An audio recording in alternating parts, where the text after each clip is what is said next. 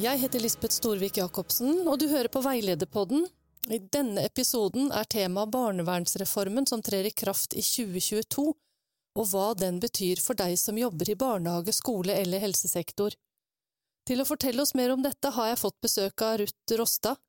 Ruth er jurist og juridisk rådgiver for veilederen, og hun har spesialisert seg innenfor barnerett. Så fint å ha deg med i dag, Ruth. Jo, takk i like måte. Hva innebærer denne barnevernsreformen, og hvorfor påvirker den både barnehager og skoler og helsesektor, i tillegg til barnevernet? Nei, først og fremst så handler jo reformen om barnevernet. Eh, det handler om at den kommunale barnevernstjenesten får overført ansvar og myndighet fra det statlige barnevernet, som er Bufdir og Bufetat. Og det betyr at det kommunale barnevernet bl.a. får eh, økte utgifter ved plasseringer av barn i institusjoner og fosterhjem. Men reformen får også en annen viktig side, og det er det vi egentlig skal konsentrere oss om i dag. Barnevernsreformen er også en oppvekstreform, og denne delen av reformen vil berøre dere i skole, barnehage og helsesektoren. Men hva menes med oppvekstreform i denne sammenhengen, det må du forklare litt nærmere. Ja, det handler om at eh, kommunens ansvar for forebygging og tidlig innsats overfor barn og familier som trenger det, det skal styrkes. Ja, og nå nevner du forebygging og tidlig innsats. Kan du utdype det litt nærmere for oss, Ruth? Mm. Ehm, det er jo det at eh, kommunen har en større nærhet da, til familiene, og det gir et godt utgangspunkt for eh, den innsikten som, som trengs for å kunne imøtekomme eh, familien, barn og foreldrenes behov, og deres muligheter for utvikling og vekst. Dette er jo nødvendig for at barn og unge skal få den hjelpen de trenger, når de trenger den, dvs. Si til rett tid. Da. Mm. Eh, og det innebærer da at, at, dersom kommunen skal nå dette målet, så er andre sektorer enn barnevernet helt nødt til å komme på banen. Ellers så vil reformen bare bli på papiret, og det vil vi jo selvfølgelig unngå. Dette handler jo om barn, barn og deres familiers fremtid. Så målene her nås gjennom at eh, kommunen utvikler tilbudet for barn og unge utafor barnevernet. Utvikler det forebyggende tilbudet. Barnevernet har ikke mulighet til å oppfylle intensjonen til reformen alene. Ja, Det høres jo veldig fornuftig ut, da. Eh, kan du si litt om hva tanken bak er? Ja, har du hørt uttrykket at for å oppdra et barn, så trengs det en hel landsby? Det var egentlig et godt utsagn, hva legger du i det? Eh, for å lykkes med reformen må barnets verden bestå av langt flere enn bare foreldrene. Og dersom det oppstår problemer, som det ofte kan gjøre, kan det heller ikke bare være barnevernet som skal stille opp. Barnehagen, skolen, helsetjenesten, de som har med barn å gjøre på fritiden, f.eks.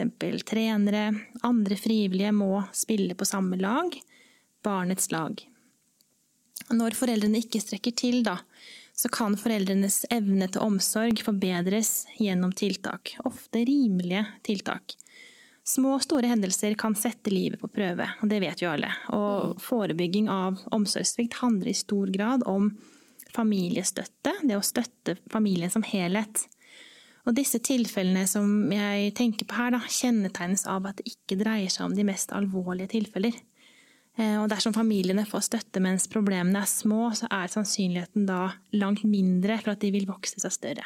Ja, det er klart, og det må jo være en stor fordel at de som trenger det, får hjelp så tidlig som mulig.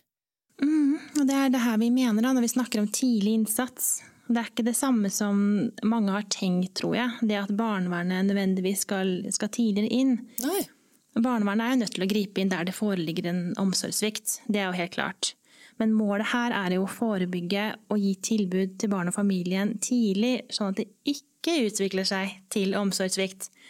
Sånn at det da ikke ikke trenger å bli en sak for barnevernet. Ja, det er jo et poeng. Mm. Du kan jo for eksempel se for deg en pyramide, da. Og nederst så finner vi et bredt spekter av eh, tjenestetilbud, der liksom pyramiden er størst. Ja. Og da kan vi jo se for oss at der, eh, siden vi har flere ulike tilbud, kan vi jo tilpasse tilbudene til barn og unges behov. Og tjenesten nederst er minst inngripende, og det koster også minst for kommunen.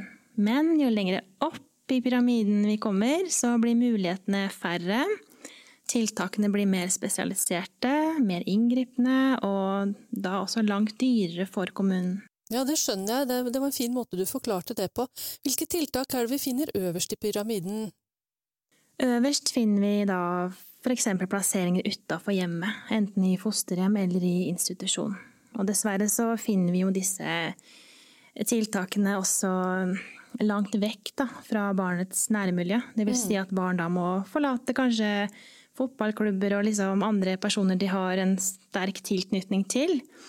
Eh, og i tillegg til å være dyre fra før, de tiltakene her, så blir de nå enda dyrere som en følge av eh, barnevernreformen. og så er de også ganske ressurskrevende å følge opp. Det krever eh, mye samarbeid fra de som er involverte. Mye energi og ressurser. Mm, ja, det skjønner jeg. Så målet med barnevernsreformen er altså å redusere inngripende, spesialiserte og dyre tiltak, da? Ja, nettopp. Det er akkurat det som er målet. Det er liksom, eh, ja, helt essensen her. Mm. Eh, vi må styrke den nederste delen av pyramiden, og det i håp om å redusere den øverste delen av pyramiden. Og forskning viser også det at de kommunene som har et bredt tjenestetilbud på lavest mulig nivå, de har færre institusjonsplasseringer av barn og unge. Og det kan jo tyde på at et bredt spekter av tilbud forebygger alvorlig omsorgssvikt og inngripende tiltak som, som følge av det. Ja, Det er, virker jo ganske logisk eh, når vi snakker om det. Og nå har vi jo sett litt på, eller du har snakket litt om hvordan kommunene generelt skal forebygge og sette inn innsats tidlig, men rent konkret, hva betyr reformen for en enkelt barnehage, en skole eller en helsesykepleier i skolen, da? Ja, vi kan jo ta et, et tenkt eksempel på det, da. Gjerne det.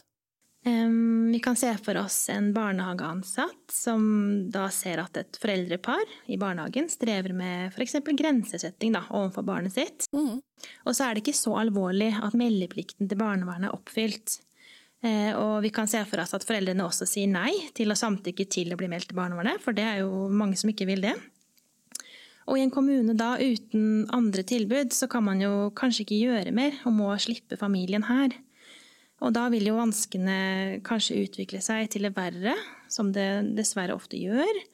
Og i en kommune med lavterskeltilbud utafor barnevernet, så har man jo da kanskje muligheten til å få foreldrene til å ta imot en samtale med en foreldreveileder tilknytta helsestasjon.